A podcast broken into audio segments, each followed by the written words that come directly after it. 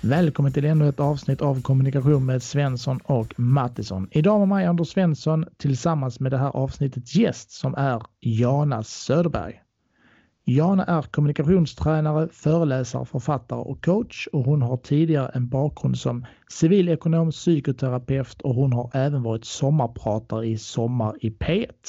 Det som gör Jana extra intressant för just denna podd är att hon har specialiserat sig på det här med neurokommunikation som handlar om att leda sig själv och andra genom psykologi och självkännedom, vilket är någonting som är väldigt användbart för personer som arbetar inom media och kommunikation. Innan vi drar igång vill jag i vanlig ordning påminna om att vi finns på Facebook. Sök på kommunikation med Svensson och Mattisson och följ oss där om du vill få våra senaste avsnitt i ditt flöde eller kunna skriva och interagera med oss. Det går givetvis även bra att mejla till oss om du har synpunkter, frågor eller förslag på ämnen och gäster. Adressen är då svenssonmattisson.hotmail.com. Med det kör vi igång. Här kommer Jonas Söderberg. Ha en god lyssning och mycket nöje. Min eh, stora passion är att utveckla träna verktyg för olika målgrupper, hur vi kan skapa inre engagemang, motivation och personlig hållbarhet. Eh, när vi pratar prestation, oavsett om det är elitidrott eller om det är i karriären, så måste det ha en hållbarhetstanke. Hur håller jag i längden och hur brinner jag för det jag gör? Det är lite det som motivation är och kommunikation naturligtvis. Hur når vi fram till andra genom att förstå hur hjärnan funkar och kan manipulera lite oftare. Ja, det är spännande som säger neurokommunikation, att kommunicera på hjärnans villkor, det är ju ja. det vi ska liksom prata om idag ju. Vad är det just nu som du liksom har fokus på uh, i dagligdags i ditt arbete? Jag hör det väldigt ofta, folk säger att det är så mångfacetterat, men det är ju samma hjärna. Det, spelar ingen roll om jag träffar en företagsledare som kämpar med sina budgetsiffror eller om jag coachar en elitidrottare som vill åka till OS eller klara sig igenom en skadeperiod. Det är ingen skillnad. Det är bara ytan som är skillnad, men det är samma hjärna, samma förmågor som vi behöver träna. Så på det sättet jag upplever snarare likhet än olikhet. Jag rör mig bara i olika nivå, eh, i olika miljöer. Det jag brinner för idag eh, är framförallt att få in detta ämne, både neurokommunikation och neuroledarskap, in i skolan. Att vi måste skapa ett utrymme för självledarskapsträning eh, för barn och ungdomar för att de ska kunna lära sig att driva sig själva. Det, är, det vore en dröm, att inte bara göra vuxenutbildningar utan att få in det som en proaktiv, preventiv, förebyggande insats hur ser du liksom behovet, om vi pratar nu media och kommunikationsbranschen, av just eh, den här färdigheten neurokommunikation? Hur, hur ser du behovet där? Eh, absolut, alltså det är, människor har alltid nått fram till varandra baserat på samma grundprinciper. Om vi tittar på neurokommunikation, det vill säga att ambitionen ska alltid vara att bygga en bro och den bygger ju på två basala behov och det är att ge människor en känsla att de är sedda av dig, att de är bekräftade och det andra är att de känner en valmöjlighet. Och utifrån de två kan vi sedan utveckla en massa olika modeller och verktyg. Ett enkelt till exempel om vi vill börja med det. Om du vill kritisera en människa så ser jag väldigt ofta att kritiken kommuniceras bakåtriktat. Nej men nu gjorde du så här och nu glömde du det här, redan med barn. Och bakåtriktat, ja men om du kritiserar mig bakåt har jag ingen chans att kunna påverka det. Och därför blir det försvar eller motattack. Men om du istället lär dig att kritisera alltid med feed forward istället för feedback. Berätta för människor om och om och om igen hur du önskar att de ska göra. Du blir mycket mer konstruktiv. Det vill säga att berätta heller för någon, vet du vad, nästa gång om du inte kan hålla mötestiden skulle jag uppskatta om du ringer mig innan. Kan du göra så? För nästa gång, det kan motparten påverka. Det här är neurokommunikation. Det är inget krångligt, det är bara att förstå, hjärnan funkar genom att jag vill påverka situationen. Då mår vi som bäst. Mm. Och det går ju verkligen att tillämpa på i stort sett allt i livet. Ja. Så är det ju. Ja. Och du har som sagt, jag har ju läst, du, du har en väldigt spännande bakgrund. Du, du är från början från Östtyskland, det gamla Östtyskland, mm. som ju mm. inte finns längre. Och eh, via USA så har du hamnat i Sverige och så vidare. Och jag har ju läst att du flydde ju från Östtyskland en gång i tiden då när du inte ville jobba då för, för Stasi. Ja, det stämmer. Det, stämmer. det är väldigt liksom, äh, intressant och spännande bakgrund och så vidare. Hur har den liksom, resan och just att, att fly från ett land, det är ju inte alla som kan relatera till det, men vad, hur har det liksom påverkat dig mentalt där du är idag? Kring att ha en sån bakgrund? Oh. Um, nummer ett under flykten, jag flydde när jag var 21 och det var just som du säger, jag ville läsa medicin och då kontaktades jag av Stasi. De ville att jag skulle jobba som spion på universitetet. Jag fick ett år på mig att fundera över det. Och när jag sa nej andra gången så fick jag aldrig läsa där och fick alltid ett snyggt brev tillbaks på grund av din antisocialistiska attityd är du inte välkommen. Um, vad det har gjort med mig är väl ett starkt engagemang för, om jag tänker tillbaks i min uppväxt, hur vi matades tidigt med värderingar, mindset som bara präntades in i vår hjärna utan att vi tänkte på det så blir jag skrämd och det är därför jag drivs så mycket av att både vuxna och barn stannar upp ibland och funderar hur du själv tänker för att inte dras med. Jag menar när du var i skolan så kastade du små bollar, ni hade kast med en liten boll i skolan, eller Ja, någon gång hade vi det. Ja, Mm. vi hade kast med handgranat från årskurs ett och så fick vi betyg där. Och det är så skrämmande idag hur det kunde vara normalt, att vi kunde prata om handgranater i sjuårsåldern som om alla barn i världen kastade handgranater. Så det är väl där mitt grundengagemang, att jag känner shit hur jag blev manipulerat och jag tänkte inte på det. Um, sen själva flyktnatten var väl en bekräftelse på vilken nytta jag hade. Till exempel som gymnast lär du dig att fokusera. Att jag kan skärma av saker och fokusera på det som jag kan påverka. Alltså jag visste inte när jag flydde genom Tjeckien och min trabant, jag visste inte vad minfälten och granaterna var men jag kunde fokusera hur jag kör trabanten och bara fokusera på det. Så det har, det- jag har haft väldigt mycket nytta genom åren av den träningen jag fick som barn inom idrotten. Um, sen tycker jag, eftersom jag växte upp i en kultur där man gärna har sett, till exempel Västtyskland har ju ofta sett ner på den östtyska sidan i sitt sätt att kommunicera. Senare när jag läste ekonomi till exempel så hade vi också lärare som hela tiden, och så har vi någon från Östtyskland här också. Så sättet hur de kommunicerar, hur jag blev sedd av andra, det, det har gjort att jag blev intresserad. Hur kan vi skapa en kommunikation på samma nivå istället för vertikal, titta ner eller titta upp?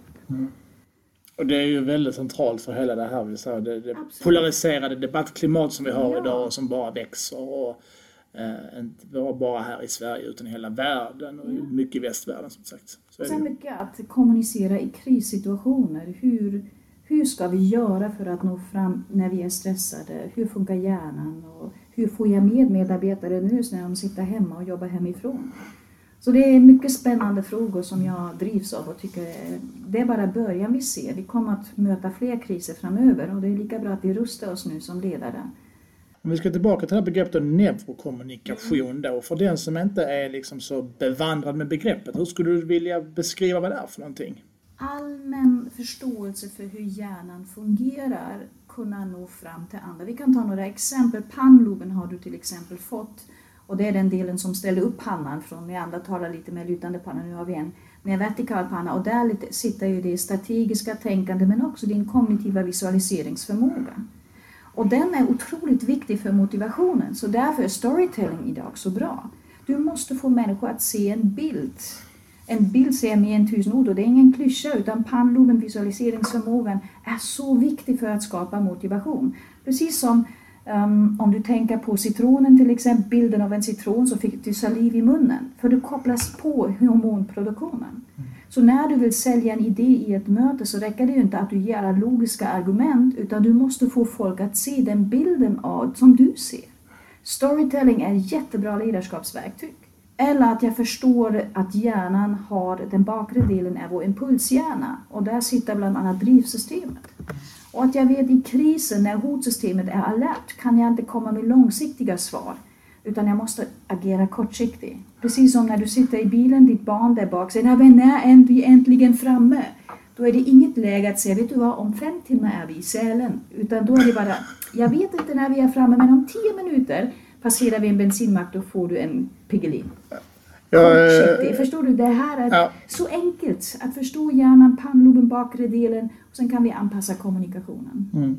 Ja, jag håller fullständigt med om det. Jag är själv småbarnsförälder så jag, jag känner till de där tricksen att... Kortsiktig trygghet. Ja, Ju mer stressat, kortsiktig Och kortsiktiga små liksom, morötter eller motivationer för att nu ska vi liksom göra det här. Eller, när, när kommer detta? När händer detta? Ja, ja, det är kväll liksom. Men vet du vad vi kan göra nu om en liten stund? Vi kan göra si och så. Ja, nej, det är Men det verkligen... spännande är ju att vi idag kan vetenskapligt förklara hur hjärnan funkar men egentligen går den, den där, de här verktygen långt tillbaka. Om vi tittar på Sokrates som utvecklade verktyget valmöjlighet med implikation. Han visste inte om hjärnan så, antar jag. Men han visste att människor motiveras bäst när de kan välja och påverka. Och han sa till exempel att om, du, om det finns en situation där den andra inte ska eller kan påverka ett beslut, då kan du distrahera motpartens hjärna genom att lämna små oviktiga undervalmöjligheter, precis som småbarnsförälder. Nu äter vi lunch, vilken stol vill du sitta på? För då kan jag inte tänka, jag vill inte ha lunch, utan jag måste tänka ut vilken stol. Mm. Så har du en stor omorganisation, men låt personalen i alla fall välja kanske de nya möblerna, låt dem rösta. Att skapa engagemang, att kunna påverka. Eller när du har, vill prata med en medarbetare om en viktig problemsituation, då är det bättre att säga jag skulle gärna vilja prata om den här konflikten, men när passar det bäst? Nu eller på eftermiddagen? I ditt rum eller i mitt rum? Att det finns någonting litet att påverka. Så det är neurokommunikation. Och jag brukar också, dels brukar jag återkomma ofta till för många, många liksom tycker att det är lite, lite läskigt det här med det nya digitala samhället och de nya liksom, digitala medielandskapet och så vidare. Och, och tror liksom att de, så som vi beter oss nu är någonting nytt. När jag sa att det är ju inte så, men det har inte hänt med, någonting med människan speciellt mycket de senaste tusen, tiotusen åren. Utan det är ju bara förutsättningarna som har förändrats och vår, liksom vår omgivning. Att det som sker idag på till exempel i sociala medier kan ju många tycka är jättekonstigt, men det, är bara, det, det, det sker bara på en annan plats. Jag brukar säga fake news, ja men det är ju gamla tidens ljugarbänk. Problemet med sociala medier är ju att det får enorm spridning. Att på ljugarbänken hade satt två gummor eller farbröder och ljög. Eller skvaller i småstäder. Ja, precis. Alltså, det är inget annat än sociala medier, bara muntlig. Ja. Har du hört det? Och den mm. gjorde det. Precis. Ja. Alltså, vi måste se liksom att det, det är ju liksom, det är mänskliga beteende som vi har haft väldigt, väldigt länge. Det är bara det att de, de tar en annan form idag. Um, och sen är det en annan grej också, det är ju det här att jag brukar också säga att kring en, liksom, vara en bra kommunikatör så måste du nästan vara lite grann psykolog och filosof på samma gång. Du måste liksom dels kunna förstå hur folk tänker och fungerar, måste förstå lite grann så den samtid vi är i, var vi är på väg, alltså kontexten i det hela. Jag tror det som är problemet, eller utmaningen, inte problemet, utmaningen idag att det är så många aspekter som du behöver ta ställning till. Mm. När vi går tillbaka, du har alldeles rätt, det är samma mekanism. Men när vi pratar sociala medier så pratar vi Instagram, så pratar vi Snapchat, så pratar vi Facebook. Och då måste du avsätta tid för att verkligen gräva dig in. Vad tycker jag om det här? Och eftersom vi inte orkar sätta oss in i det, det är därför motståndet kommer. Så det är inte bara en eller två saker du ska ta ställning till utan det poppar upp hela tiden nya tekniska möjligheter. Precis som nu, ska vi ta Teams eller Zoom? Eller vad, vad väljer vi? Nej, men Zoom kan man inte lita på. Du ser, och det är det som jag tror som människor är trötta att besluta, bestämma, ta ställning, sätta sig in i ett program eller i en kanal. Ja, för så är det ju. Det är ju ingen hemlighet att just förändringar har ju oftast en väldigt negativ klang hos folk. Det är ju en minoritet som ser varje förändring som en, yeah, en härlig möjlighet, utan alla ser vi ju någon gång i våra liv beroende på var vi är och vilka situationer såklart. Men att förändringar är ju någonting i grunden hotfullt. Nej. Precis. Hjärnan känner sig enbart motiverad för förändringar om de lovar en kortsiktig överlevnad för att du är i kris. Som nu. Nu kunde vi ställa om till digitala möten för vi visste annars klarar vi inte den här pandemin. Och då var hotsystemet igång och då kunde vi på grund av rädslan ställa om till digital. Eller den andra drivkraften att vi måste längta till en förbättring. Och så länge någonting går ganska bra i ett företag så har vi noll motivation till förändring. Vi strävar inte efter det och kan vi göra det ännu bättre? Så att jobba med förändringsmekanismer kräver att vi förstår lite mer att hjärnan egentligen inte är motiverad för förändringar så länge vi inte längtar eller är rädda. Mm. Mm. Och det är i välfärden ett stort dilemma att vi är ofta på den där plus minus noll linjen där vi varken känner rädsla eller längtan. Det går ju ganska bra och så skjuter vi upp saker och ja, Nej, men det är det man pratar mycket och där, där hamnar ju oftast Sverige i blickfänget. Det kanske för att vi såklart vi svenskar vi säger oss själva närmst men det är ju det här att vi, vi har ju liksom materiellt aldrig haft det bättre någonsin och inte västvärlden heller men vi har aldrig varit så olyckliga som vi nu heller. Det är ju jättekonstigt varför det är så. Alltså det, det, finns olika förklaringar. Det ena är ju att eh, vi har en hjärna som är nollanpassad till välfärdslivet. Eller nollanpassad men i alla fall um, det är inte mer än 10 000 år sedan vi lämnade savannen. Och i savannen var huvudfunktionen för hjärnan att överleva. Idag eh, så vaknar vi med samma savannhjärna men vi har inte så många existentiella hot. Och då gör ju hjärnan målar spöken. Alltså vad amygdalan gör då är ju å ena sidan förstorar vi befintliga problem. Så, saker som egentligen inte är så stora känns mycket större. Vi utvecklar fiktiva problem som scenskräck, apropå kommunikation, som näst största rädsla i Sverige efter dödsångest. Eller vi fokuserar på det negativa och titta bara vad är det som säljer på löpsedlar? Det är ju sällan positiva nyheter. Då skulle folk inte köpa tidningen. Det är aldrig positiva nyheter. Utan Nej. du måste skrämmas, då går hotsystemet, ja men det där måste jag läsa mer om. Mm -hmm. mm. Absolut. Ja, det har vi verkligen sett under coronapandemin också. Att det har ja. varit mycket och det är ju rädsla som driver oss alla eh, i detta. Och bristen på krissjälvförtroende. Som du säger, du har ju sagt att Sverige har inte varit med som samhälle med om så många riktiga stora kriser senaste tiden. Och då har vi inget att luta oss mot när vi hamnar i ett krisläge. Och vad hjärnan gör då? Då aktiveras hotsystemet på högsta nivån på en gång. Och då slås pannloben ut, vi blir orationella och hamstrar toarullar. Precis.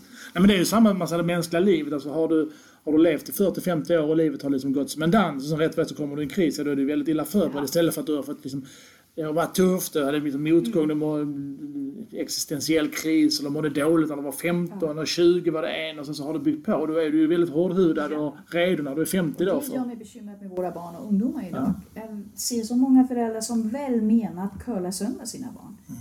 Och då har barnen när de är 14-15 misslyckas med prov, kommer inte in i gymnasieskolan som de ville eller första kärleken tar slut och de kastar sig framför ett tåg eller börjar skära sig. För de har ingenting att luta sig mot. Klarar jag det här så klarar jag det här också. Så vi gör dem ju en björntjänst att inte låta dem växa in i problemlösning. För det är en del av livet. Mm, precis. Men um, det här då kring neurokommunikation, mm. om vi ska ta några konkreta exempel, hur kan man då som, som kommunikatör uh, använda just neurokommunikation i, i sitt liksom, dagliga arbete? Ja, allting handlar vi går tillbaka till den där bron som varje kommunikatör ska ju ha ambitionen att bygga. Eh, I det dagliga arbetet till exempel att när vi har ett krisläge, eh, som nu i pandemin, att vi kan använda cliffhanger-tekniken för att skapa motivation. För drivsystemet, impulshjärnan, gillar inte stora kliv. Den gillar små, små steg. Så det är det som vi ser just nu i resten av Europa som körde med total lockdown. Och att aktivera lockdown igen, därför är det stora protester. Att istället för att ta små, små steg för att stegra, för då kan vi luta att vi klarar det här, men det nästa steget klarar vi också. Uh, Cliffhanger-tekniken användes, jag hörde Löfven sa det tror jag i våras var det en gång, det kan hända att vi måste isolera Stockholm, men för närvarande ser vi inget behov att göra det. Det är så smart gjort, för om det skulle hända så har hjärnan redan umgåtts med tanken att det kan hända. Men vad bra att vi inte behöver göra det nu. Men när det väl händer, då är steget inte så stort. Vi har annonserat det. Är du med? Mm. Det är um, ungefär som att en kirurg säger om du inte slutar, då, då kommer vi att behöva amputera. Men just nu finns det en chans att vi kan rädda benet. Då är motivationen shit, du umgås med faran men nu är jag mer motiverad att engagera mig. Mm. Så det kan man till exempel tänka på arbetsplatser till exempel. Mm. Uh, jag, jag har ju i tio år tjatat på olika arbetsplatser jag varit på. Varför jobbar vi inte mer liksom digitalt? De som kan och vill. Mm. Varför har vi inte möjligheten? Varför har vi inte den flexibiliteten? Varför måste alltid fysiskt på plats, alla samtidigt på samma kontor, vara normen? Mm. När vi kan istället försöka ha det lite, för det är väl ändå liksom prestation i sig som är viktigaste. Nu tvingas man in i någonting och ser att där fungerar det faktiskt väldigt, väldigt bra. Uh, och då har man också liksom tvingats att ompröva och så kommer någonting gott ur det. Ja. För jag vill ju tro att vi inte går tillbaka till det här liksom stelbenta som vi var tidigare, utan att det blir lite mer en kompromiss. Ja, och väldigt flexibelt och utifrån förutsättningar. Alla kan inte jobba på distans, absolut inte. Men och det de, tänker jag ja. vi kan börja nu, redan nu, så att det inte går för lång tid med den här feed forward till exempel. Att vi sätter oss ner och debriefar våren 2020 som företag, som familj. Vad var det vi är stolta över? Vad skulle vi göra precis likadant i nästa kris? Och vad skulle vi göra annorlunda nästa gång? Istället för att oh, det här var fel, det här gjorde vi verkligen fel. Nej, feed forward. Okej, okay, det här var bra. Vad lärde vi oss? Vad vill vi göra annorlunda nästa gång? För det kan vi påverka och då blir det mycket mer konstruktivt och motiverande. Mm. Um, I kommunikation som ledare tänker jag i våras när pandemin kom och den första krisen, hotsystemet som vi sa, många var stressade, väldigt oroliga, vi saknade kunskap om det hela. Då är det viktigt att balansera ut som ledare och kommunicera med trygga vanor. Att kunna säga, jag har ingen aning hur lång tid det kommer att ta, hur det kommer att påverka oss som bolag, men det jag kan säga är att närmsta veckorna kommer vi att ha varje måndag, måndag morgon klockan nio ett möte. Vi kommer att stämma av att skapa den här kortsiktiga tryggheten. Sen efter sommaren när vi kom in igen i det här andra varvet nu, då har det infunnit sig en reflex i hjärnan som kallas vaneeffekten. Det vill säga vi vänjer oss och nu börjar de första inte längre tycka att det är så spännande att jobba hemifrån. Vi blir lite trötta, lite sega. Och då är det precis tvärtom. Då måste jag som ledare tänka, okej, okay, hur kan vi nu skapa variation och kontrast i våra möten?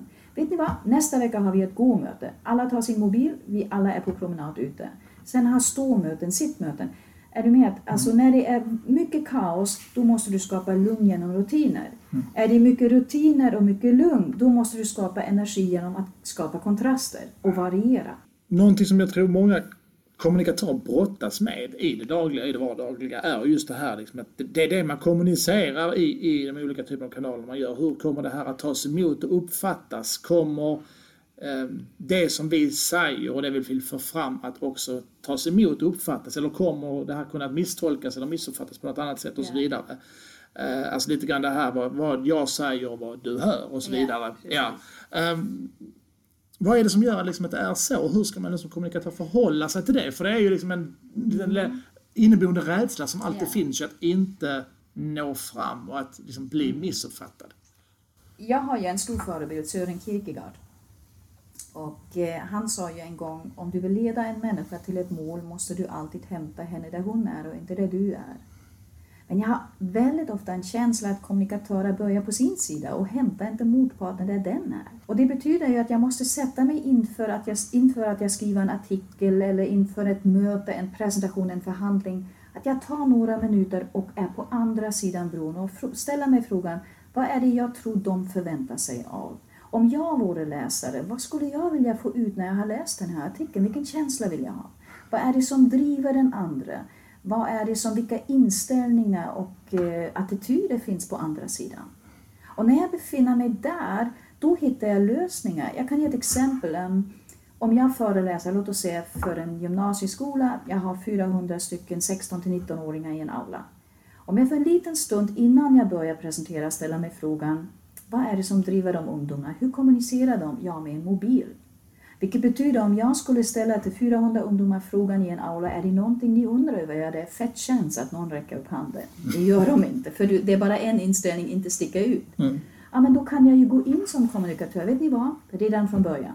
Sätt på era mobiltelefoner, tyst läge, programmera in det här numret på en gång. Och om ni har någon fråga, smsa mig frågan så får ni svar i andra halvan. Då haglar det in frågor. För jag möter dem där de är, att hämta den andra där den är. Det är jag fick en sån här tankeställare när jag var i en skola och skulle handleda personalgruppen i, på lågstadiet. De sa att ah, men barnen är så stressade, de frågar hela tiden vad är klockan, vad är klockan? Okej, okay, då satte vi oss ner och sen undersökte vi fallet. Det var många föräldrar som sa på morgonen till sexåringarna, jag hämtar dig halv tre. Ja men planet, sexåringen kan ju inte klockan. Så om jag skulle hämta barnet där det är så kunde jag säga efter mellis och sen ungefär en gång Bolibompa. Då får jag i alla fall en känsla och kan gå in och leka. Men nu var de ju så stressade för de visste inte vad betyder det. Och jag hade någon gång en psykologiprofessor som sa Kom ihåg ordet självklart heter självklart för det är bara klart för dig själv, för ingen annan. Och det finns en ödmjukhet i kommunikationen, att vi inte får ta för givet att det vi skriver om, det vi pratar om är självklart. Att den kommunikationskanalen som jag föredrar är den bästa, utan du kanske har en helt annan inställning. Precis, och att det jag pratar om är intressant för mottagaren och det är det här jag brukar tjata om, det här utifrån och in perspektivet istället för tvärtom. Och det, det, är där, det är där väldigt, väldigt många känner, jag brister ju också mm. ju. Att man klarar inte av att liksom åka upp i helikoptern eller se det liksom för sig själv utifrån. Mm. Nej men hur liksom, för jag brukar säga, jag, jag jobbar liksom i det offentliga med kommun och så vidare. Och jag brukar liksom, om jag liksom går upp i liksom, om jag ställer mig liksom utanför och tittar in, hur spännande är en kommun för någon som inte är där i? Är väldigt ospännande, väldigt osexigt, väldigt ointressant egentligen. Det ska vi inte säga högt. Nej, fast man måste vara ärlig och säga det. Där är utmaningen att få det ju att bli spännande och intressant, för kommun är ju det. Där finns ju så himla mycket kul saker och bra saker som händer varje dag. Men det är bara det att vi måste ju liksom kommunicera det då och få det liksom att bli intressant, för det finns ju här. Medan många liksom inte gör det riktigt på det sättet. Är det viktiga kommunikationsdelar, en viktig presentation eller en viktig artikel, testa den på några utvalda mm. personer mm. som representerar målgruppen.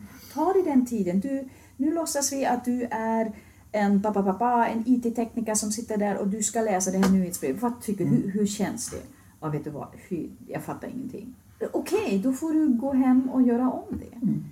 Och det tror jag vi oftast inte tar oss tiden att försätta oss in i målgruppen. Vem är det där på andra sidan? Nej, för det tror jag, och det tror jag många kommunikatörer också upplevt kanske när man äh, kommer in kanske i en, en, process kanske och ska liksom lägga, ge sitt öga på något material mm. till exempel. Om man gör en återkoppling till någon kanske i verksamhet som inte är kommunikatör men som vill ha ut ett budskap.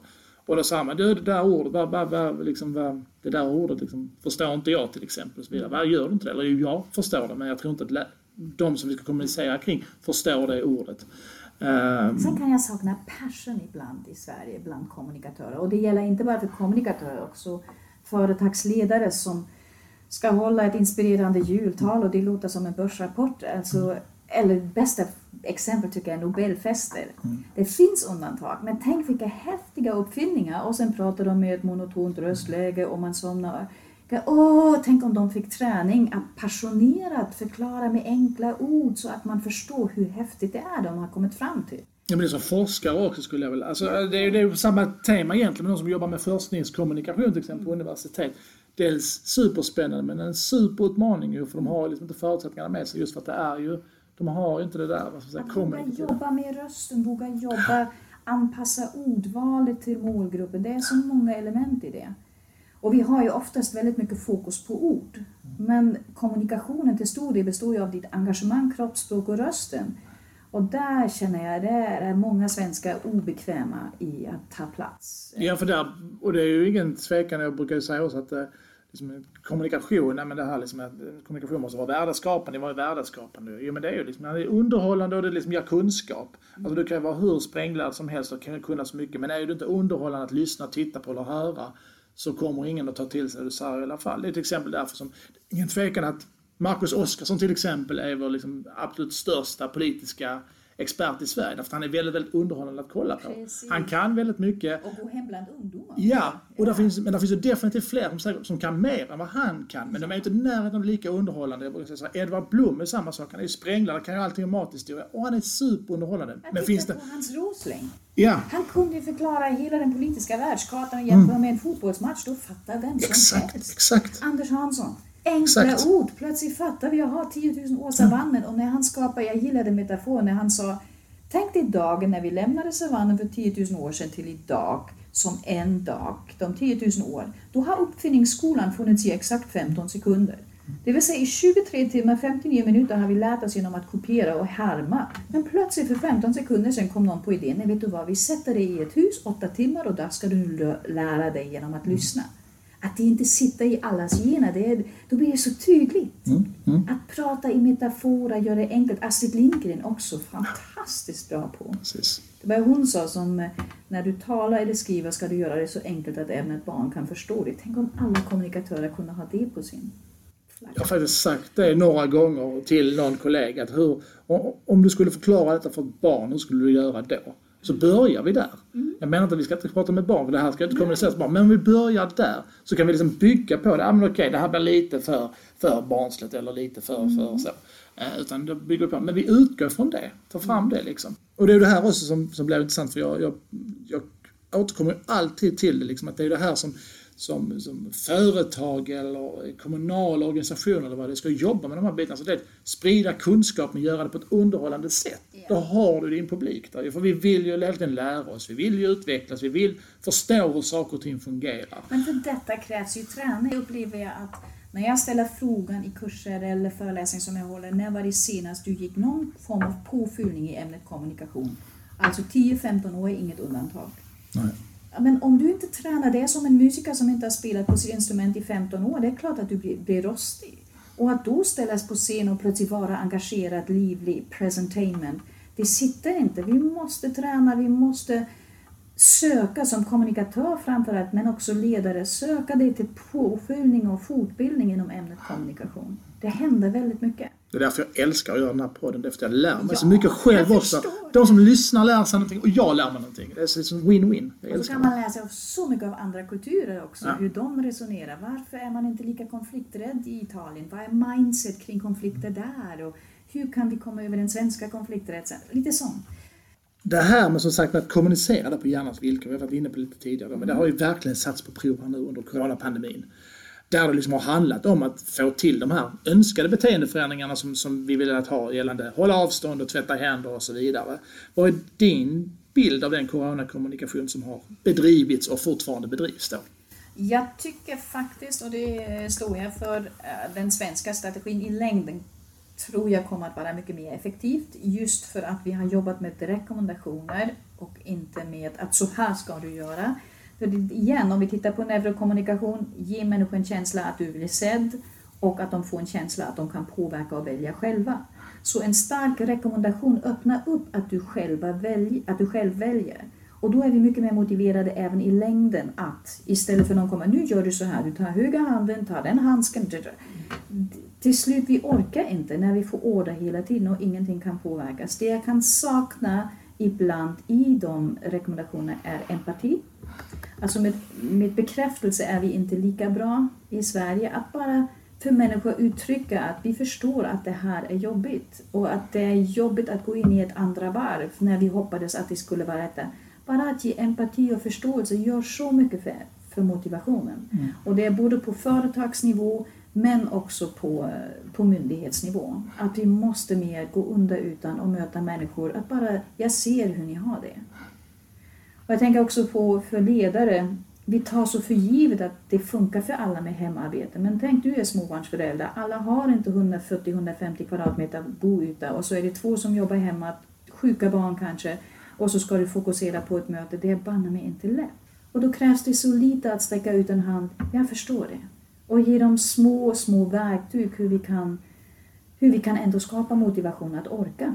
Den fysiska grejen, alltså hur vi vill att folk ska bete sig rent fysiskt, att just det här med att hålla avstånd och så vidare, så pratar man mycket om nudging till exempel under ja. coronapandemin och det finns ju eh, akademisk forskning till exempel som jag vet att också MSB, alltså Myndigheten för mm. samhällsskydd och beredskap, tittar på där man då överlag säger att det är om man vill ha till de här liksom fysiska beteendeförändringarna, hålla avstånd, tvätta händer och så vidare, så är det bättre att prickskjuta de beteendena direkt på plats via nudging. Då kan du också selektera de viktigaste. Men du måste alltid vara medveten om den här vaneeffekten. Du ser ju vilket engagemang det var i början att titta klockan två på Folkhälsomyndigheten. Efter sex veckor, jag lovar, vi orkar inte. Nej. Och då måste vi hitta, oj, nu funkar inte klockan två varje dag längre. Ska vi välja en annan tid? Ska vi gå via morgonsoffan? Ska vi... Och det funkar också bara en viss period. Så allting underligger i hjärnan. Människan vänjer sig vid det bästa och det, och det sämsta.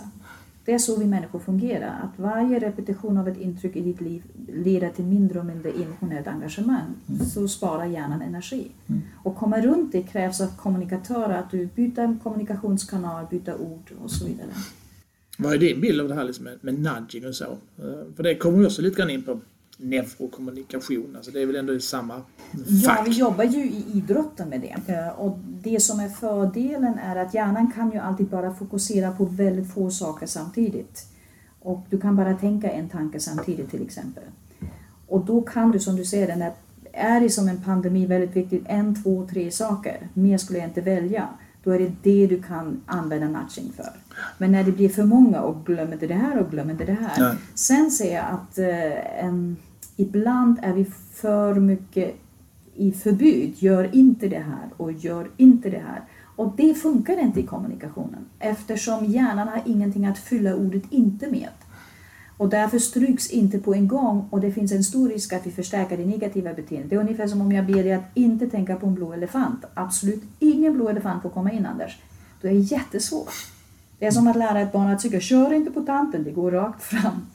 Mm. Um, och jag brukar skoja att hjärnan är byggd som en GPS eller som en dator och i GPSen skriver du inte in, inte Sundsvall, utan du måste skriva vart du ska. Så när du använder nudging ska du aldrig jobba med förbud utan du måste jobba med det här ska du göra, inte det här ska jag inte göra. Mm. Nej, och det är just det du är inne på lite grann, det här med att kunna hålla liksom att vi, det här med multitask och så vidare. Du vet att tidigare har jag läst att du, du säger att det, det, finns liksom inte, vi kan bara tänka en tanke i huvudet samtidigt. Um, det är ju det jag menar lite grann med nudging, alltså det är därför till exempel som jag, min uppfattning har varit väldigt mycket till exempel kring just kommunikation. Att, sen är det klart att det är för mycket för att jag jobbar med det digitala som jag tittar på det, men att det har varit väldigt mycket, för mycket, uh, att man har satt sin tro till sociala medier och olika typer av kampanjer och filmer och kanske glömt bort just det här liksom med den fysiska nudgingen. Alltså, en fysisk nudging, det kan ju vara de här strecken i marken när du står i kön till exempel, eller den här plexiglas till kassörskan som du blir liksom påmind Eller i. munskyddet. Ja, ja som men, egentligen kanske inte har så mycket fysisk eller medicinsk funktion men i alla fall en, en påminnelse visuellt att det finns en risk här. ja, för varje gång jag ser någon med munskydd, de är inte många, men varje gång man gör så, just det, vi har den här pandemin. Och det är därför jag menar också att nudging är ju så, så liksom otroligt viktigt för att dels blir du påmind om det och dels så får du förutsättningar för att kunna göra rätt. Eh, för i de butikerna, och det, det här slår inte fel, det, är liksom 100 gånger av 100 har jag sett när de här strecken finns i marken, så står folk ute efter de strecken. Jag har varit i jättemånga butiker där det ser ut som att kön är jättelång när den inte är det egentligen, utan det är bara att folk håller avståndet. Men i alla butiker där det här strecket finns där tydligen, så, så står man för det. Och har du en matbutik, där skulle jag till exempel ändra färg på de här strecken var tredje vecka. För du vänjer dig vid de här strecken och då ser du dem Mm. till slut inte längre. Och då kan du åstadkomma samma effekt genom att bara rita över med en ny färg. Oj, den där färgen var ny. Whoops, då vaknar hjärnan till liv. Vi reagerar på kontraster. Ja, det är det här jag menar liksom att kommunikationsbranschen jag, jag saknar det.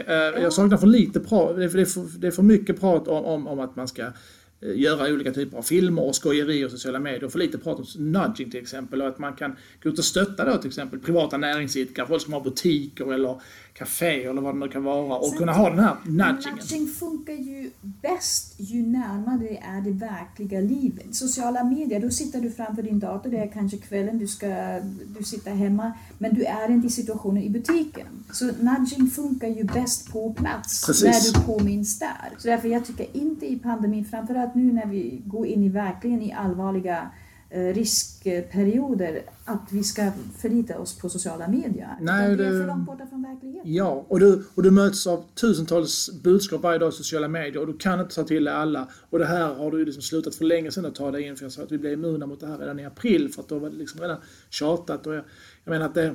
Och det bekräftar ju också vad vi upplever i mentalträning inom idrotten. Det bästa funkar, och det bekräftar alla elitidrottare, när verktygen vi har tränat i mental träning används i skarpt läge i tävlingen. När jag blir påmind om, tänk nu på skattkistan, tänk på det, här. just Då, det. och just det. Just det. Så i skarpt läge ska jag nudga hjärnan. Mm. Och inte med distans. Det, har, det är bra inlärning och gör ingen skada. Men du får inte den effekten som när det är på plats. Nej, precis. Så att eh, jag, där vill jag verkligen också säga att det, vi, måste prata lite mer om kring det här, eller mycket mer om nudging och inte liksom hela tiden fokus på, för det är mycket jag hör när man sitter i olika typer av samverkansmöten och så. På Så är det, kommunaltrafik eller sånt, att variera. Har du haft en affisch nu i tre veckor, fyra veckor, så måste det komma någon ny design av en affisch med samma budskap eller nya ord. För vi ser inte saker längre. Det, det blir lite hemmablint, precis som... kunna ha de här fysiska attributen också som faktiskt gör att, som, som möjliggör äh, äh, rätt typ av beteende. Alltså, som, alltså möblerade fysiska rum med, med olika typer av smarta lösningar. Äh, Jag har, jag har ett roligt exempel på nudging för att folk ska förstå lite grann vad det är. Jag tror det här är väl en av de så här mer kända, framgångsrika nudging-grejerna, men jag tycker den är så briljant. Jag tror det är på Amsterdams flygplats så hade de ju problem väldigt mycket äh, med att det var på männens toalett där vid urinarerna så var det väldigt mycket läckage. Det skvätte väldigt mycket urin på, på, på ass- marken. Äh, Städerskorna tyckte det var för äckligt och det var liksom eh, det är väldigt jobb med att hålla rent där och så vidare. Hur ska vi nu få bukt med detta liksom att få männen att eh, kissa lite mer städat? Man satte upp en liten fluga i urinaren bara. Och automatiskt så försökte männen pricka den med sin stråle och då minskade urinläckaget på golvet med 90% tror jag det var. Ja, exakta siffran kommer jag inte ihåg. tänker jag, som vi också i reklambranschen ser, att vi måste utveckla en förståelse för hur våra spegelneuroner fungerar och påverkar våra beteenden.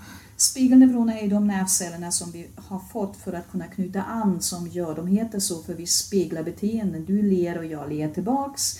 Någon skriker hemma, du hör jag också rösten, någon gäspar, du gäspar. Så de är grunden till empati och de går mest igång på de som vi älskar, de som är mig närmast i åldern och närmast i identitet, typ samma jobb.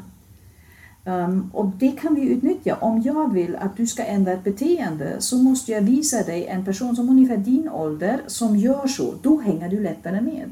Man gjorde, jag såg för inte länge sedan ett intressant experiment. Då hade man 6 till 8-åringar, en grupp på 10 barn. Alla var rädda för hundar. Så fick den ena gruppen se en film där lika gamla barn klappade fyra hundar som sen fördes in i studion. Den kontrollgruppen fick se liknande film men det var vuxna som klappade hundarna. Funkade inte alls. Så om nudging ska funka så måste vi också, precis som i reklambranschen, nå målgruppen genom att visa dem en ungefär samma identitet, samma ålder. Så att jag känner igen mig, då är jag mycket mer benägen att knyta an. Och det ja, reklambranschen gör det. Titta på dagens bilreklam. Då har man förstått att jag måste visa en familj med många medlemmar. För idag är det inte bara mannen som bestämmer vilken bil vi köper utan det visas barn, det visas hela familjen på en semesterresa. För ja, hela familjen idag är involverad i köp av bil. Ja, man måste kunna relatera till det. Precis, ja, och då hittar alla någon att relatera till. Mm. Och det är viktigt när vi framför tänker i pandemin nu, våra ungdomar, Uppsala till exempel, studenterna, hur når vi dem genom att visa lika gamla, samma identitet, hur vi ska göra? Då funkar det inte att visa bilder av vuxna.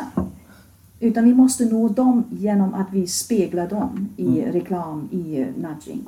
Det här med då, neurokommunikation, då finns det liksom andra situationer än en skarp pandemi till exempel där det är väldigt, väldigt gångbart att, att ha det. Eller det är allting kanske, det är en dum fråga. Eh, alltså, ja, nej, men just när vi inte har pandemi. Jag tänker på eh, när du säljer en idé till exempel. Om du sitter i ett möte och du har en fantastisk idé så är det ju oftast att vi pushar idén. Vi, men när vi bara pushar våran idé vad som händer på andra sidan, den andra känner att den inte fick välja. Därför är det väldigt smart, när du vill sälja en idé, nummer ett, då är alternativ nummer ett, det ska vara så illa att både du och jag är överens om att det inte är bra.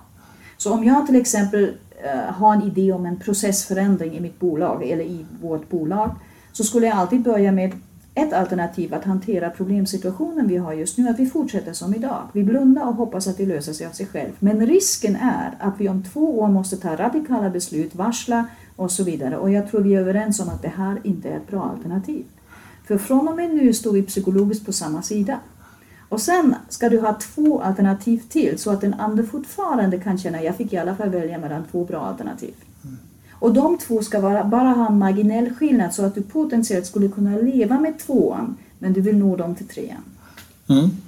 Istället för att, men kan vi inte göra så här och fördelen är så här, så här, så här. Och så är vi förvånade att den andra inte vill. Mm. Samma hemma, om du vill föreslå en semesterresa kan du säga ett alternativ, vi stannar hemma. Visst kan vi göra det, men risken är att vi hamnar där igen. Vi jobbar, vi skapar projekt, vi bygger om och ingen känner sig utvilad efter semestern. Ett annat förslag är det, då har vi fördel att, men fortfarande nackdelen det här. Och därför är mitt förslag att, är du med? Du trappar upp mm. det, du leder den andra från att den kanske befinner sig, måste vi, till dit jag vill.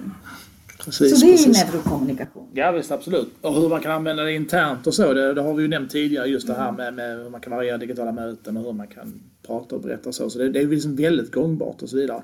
Du har du några så här, konkreta tips på företag eller organisationer så, som är extra duktiga på det här med neurokommunikation som man kan eh, liksom, inspireras av eller kika lite på? Jo, jag tycker det är svårt att tänka på alla, men eh, jag har jobbat till exempel med Skanska nyligen, där man är helt nytänkande när det gäller det digitala. Jag kan berätta, jag hade en ledarskapskurs under en eh, hel dag och där i mitten under lunchen så hade de bjudit en TV-kock och vi var i en matlagningsstudio och under lunchen så, an, så visade han mig hur jag skulle laga röding och spetskål och de tolv cheferna, jag skulle säga hälften har aldrig suttit i köket, hade fått via Mathem exakt samma matvaror hemskickade och de var ju över hela landet. Så under den där timmen lagade vi med hans hjälp alla samma rätt. Och så kom de, visa din röding, ja men in med 150 grader 5 minuter till, spetskålen 182 minuter. Så han höll på med 12 människor och mig där i studion och de sa, alltså vilken sammanhållning. Och det där nytänk, att inte se digital värld som en begränsning utan ja, men vi kan mötas, vi kan skapa teamanda på nya sätt. Så det tycker jag. Um, jag har också sett andra som är duktiga i byggbranschen också. Som, om du tittar på längs motorvägen, jag reagerade häromdagen på det. Den, det är inte längre håll hastigheten utan då ser du på ett barnansikte som säger min pappa jobbar här. Och har du själv egna barn, det är klart att du reagerar med dina spegelneuroner, där kommer den här identiteten. Så det finns ett nytänk, eh, absolut. Mm. Det, det tycker jag. Samtidigt som jag i andra branscher saknar fortfarande, framförallt från myndighetssida och så ibland det där, och se att på, bakom varje förhandling sitter på andra sidan en människa som vill bli sedd och som vill känna att den kan påverka situationen. Och det är så enkelt, eller Titta på hemsidan, enkla verktyg är även att använda oftare mottagarspråk istället för sändarspråk som kommunikatör. Det är så mycket sändarspråk och skillnaden är att när jag använder sändarspråk berättar jag om vad jag gör. Eh, som talare till exempel, om jag säger närmsta timmen kommer jag att berätta om vårt bolag och jag kommer att visa en film, jag svarar på era frågor. Det är sändarspråk. I mottagarspråk låter det Närmsta timmen kommer du att få mycket information om vårt bolag. Du kommer att få se en film och så får du chansen att ställa dina frågor. Jag ställer dig i fokus. Så i sändarspråk är det jag eller vi gör, i mottagarspråk du får. Och vi alla gillar mer att få mottagarspråk. När ett företag säger vi skickar leveransen inom en vecka, det låter inte alls lika motiverande om ett företag säger du får leveransen av oss inom en vecka. Precis, precis. Så granska era hemsidor. Jag har granskat många i Sverige och det är mycket sändarspråk. Vi gör, vi erbjuder våra kunder istället för att du som kund kan förvänta dig av oss. Mm. Du som anställd får här en möjlighet att jag har haft ett poddavsnitt av det faktiskt med, med en jätteduktig språkkonsult som heter Sofia Olofsson som mm. pratar just om det här att skriva för webben framförallt och hur man liksom skriver i klartext och hur man kan liksom bara genom att byta ut ibland ett ord ibland men, men ibland fler. Alltså hur det kan få en helt annan liksom, betydelse och klang och tas emot på ett helt annat sätt. Så det är, så att säga, det, det är en hel vetenskap men det, det, det går ju inte att ignorera det utan det är så otroligt viktigt att, brukar säga så här, kommunicera på mottagarens villkor, använda ett språk, ett, ett vardagligt språk som mottagaren kan ta till sig och känna igen. Och undvik för allt små småda myndighetsspråk och krångliga byråkratiska ord och så vidare. Det är bara medvetenhetsträning som ja. krävs eftersom vårt lilla ego vill ju helst prata sändarspråk. Så din autopilot är programmerad på sändarspråk för du vill visa hur duktig du är och därför börjar vi prata. Ja, jag kommer att visa, jag kommer att berätta. Så att lära sig mottagarspråk till exempel kräver bara att du måste medvetet träna in det. Ja, men jag kommer ihåg, jag har liksom ett roligt exempel som jag kommer ihåg, nu från i höstas exempel, vi skulle göra någon, någon liten sån här eh, film om hemtjänsten och pratade om hur de hade påverkats nu av coronapandemin och vi hade en jätteduktig eh, då, eh, hemtjänstundersköterska som, som medverkade i filmen. Hon var ju superproffsig, superduktig på alla sätt och vis. Och hon skulle då, ja men nu ska vi hem till en gammal dam här, Birgit heter hon. hon vi har, nu har vi ledsagartimmar för, för inköp och liknande. Okej, okay, vänta nu här, vad betyder det? Vi ska gå och handla med henne. Men då säger vi det. Mm. Ja fast jag tycker det är bättre, det känns, det känns mer som att jag är professionell och så vidare. Jo, jag förstår det och jag respekterar det. Men nu ska vi kommunicera med de här till exempel. Mm. Nu är det med medborgarna. Då måste vi ha ett vardagligt språk och så mm. vidare. Det är, köp på det alla dagar i veckan att du, du, du kan ha det dialogen med dina kollegor internt. Så, men nu ska vi kommunicera externt. Måste vi prata ett enkelt språk. Ja. Jag gillar din fråga, att du ställer frågan, finns det företag som du har träffat som är duktiga på det? För när jag tänker på det, jag, jag saknar det jättemycket att lyfta positiva exempel och just nu i pandemin att om vi vill dra med folk till beteendeförändringar kanske vi inte bara ska skrämma och natcha och hålla på utan också lyfta dem som, som har gjort skillnad, som redan är ett steg längre. Och kan de så kan jag, då, då kommer spegelneuronerna igång.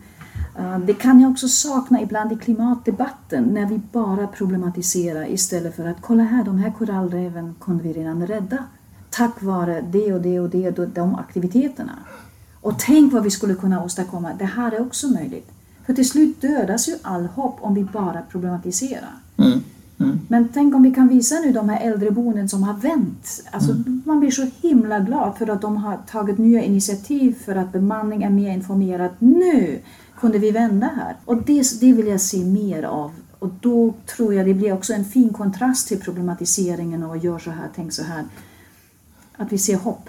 Nej, men vi har, kan jag bara tala av egen erfarenhet, att jag har jobbat väldigt, väldigt mycket i höst med just den biten. Alltså just det här, kunna skildra en, en, en inte nödvändigtvis sämre vardag, men en ny sorts vardag mm. utifrån corona. Att vi har fått anpassa oss utifrån det här. Det behöver inte betyda att det blir liksom sämre, det blir bara annorlunda. Vi möjliggör och så titta nu här vad vi så, så att det, man vänder på grejerna istället. Mm. Ser snarare vad, vad är det nu vi, vi har för verklighet, vad kan vi skapa utifrån det här? Och, och det är som att flytta utomlands. När jag flydde, eller när jag flyttade sen till Sverige, det hjälper mig inte. Det, det gör ju många fel, att de umgås med sina landsmän och bor utomlands. Mm. Men den enda diskussionen du har i församlingen är att ah, de har inte det här brödet här och de har... Jag kommer aldrig att landa i landet om jag jämför med Tyskland. Och då måste, okej, okay, du är här. Det är de förutsättningarna. Och vad vill jag göra här då? Mm. Istället för att hänga kvar, vad saknas, vad har jag inte? Jag fick i början väl ofta frågan, vad är det du saknar från Tyskland? Jag har aldrig ställt frågan. Det, då, då funkar det inte för mig. Du, vi ska avrunda här lite nu. Det är en jättespännande uh, diskussion här. Så uh, det finns mycket att ta av. Uh, men om man vill följa dig och ditt arbete, var, var ska man vända sig då? Eh, det är att kontakta mig via mail. Eh, man kan, om man är intresserad av vad vi gör med barn och ungdomar för att få in det i skolan, så kan man gå in under motivationslyftet.se eh, och se och engagera sig där. Jag hoppas att fler skolor kommer att nappa både att träna barn i neurokommunikation och neuroledarskap. Um, ja, det är bara att höra av sig till mig. Gå in under Jana, Jana Soderberg, mejla mig.se under mitt namn, gå till hemsidan. Det finns, vi hittar varandra. Mm. Vi lägger en länk i beskrivningen till både din egen hemsida och till det här motivationslyftet så kan man gå in och kika lite mer. Men jag blir som mest lycklig om det här har bidragit till att folk blir mer intresserade och tycker kommunikation är spännande. Det är inte en sak till jag ska lära mig som kompetensutveckling, bara det tråkiga ordet dödar ju all motivation. Mm. Utan jag tycker, men gud, det lilla och det kostar ingen krona i vår budget. Ja, nej men jag brukar säga det är bara mindsetet. Och jag ja. brukar säga att ska man då liksom kunna ligga liksom i framkant och vara eh, liksom redo för det som kommer här så måste en kommunikatör kunna behärska de här neurokommunikationsbitarna. Och det är därför jag tycker också att det här ämnet är så intressant. Och då tänker jag på åldern. När vi föddes så kunde vi alla stoppa båda två i munnen. Om du vill kunna det i 50-årsåldern krävs viss underhåll. um, och så är det med vår kommunikation och hjärnan också. Ju yngre vi är desto mer flexibla är vi med mindset. Okej, okay, då ställer vi om, då gör vi så här. Uh, 40 år plus så blir även hjärnan stelare men det ska inte hindra oss, du måste bara avsätta mer träningstid. Okej, okay. jag är kanske inte så inspirerad av digitala möten men nu är det som det är, jag ska sätta mig in i det. Tvinga dig, jag ser det som självdisciplinträning, då växer din hjärna. Mm. Så vi åldras i hjärnan men vi kan träna och kämpa mot. Precis, nej, det gäller både det mentala och det fysiska. Ja, så är det. aldrig ge upp. Nej, precis, så är det. Du, stort tack Jana för att du ville vara med i podden här. Vad roligt att lyssna på dig. Tack snälla. Och vi är tillbaka onsdag om två veckor igen med ett nytt avsnitt. Så du som lyssnar önskar jag allt gott tills dess. Hej då!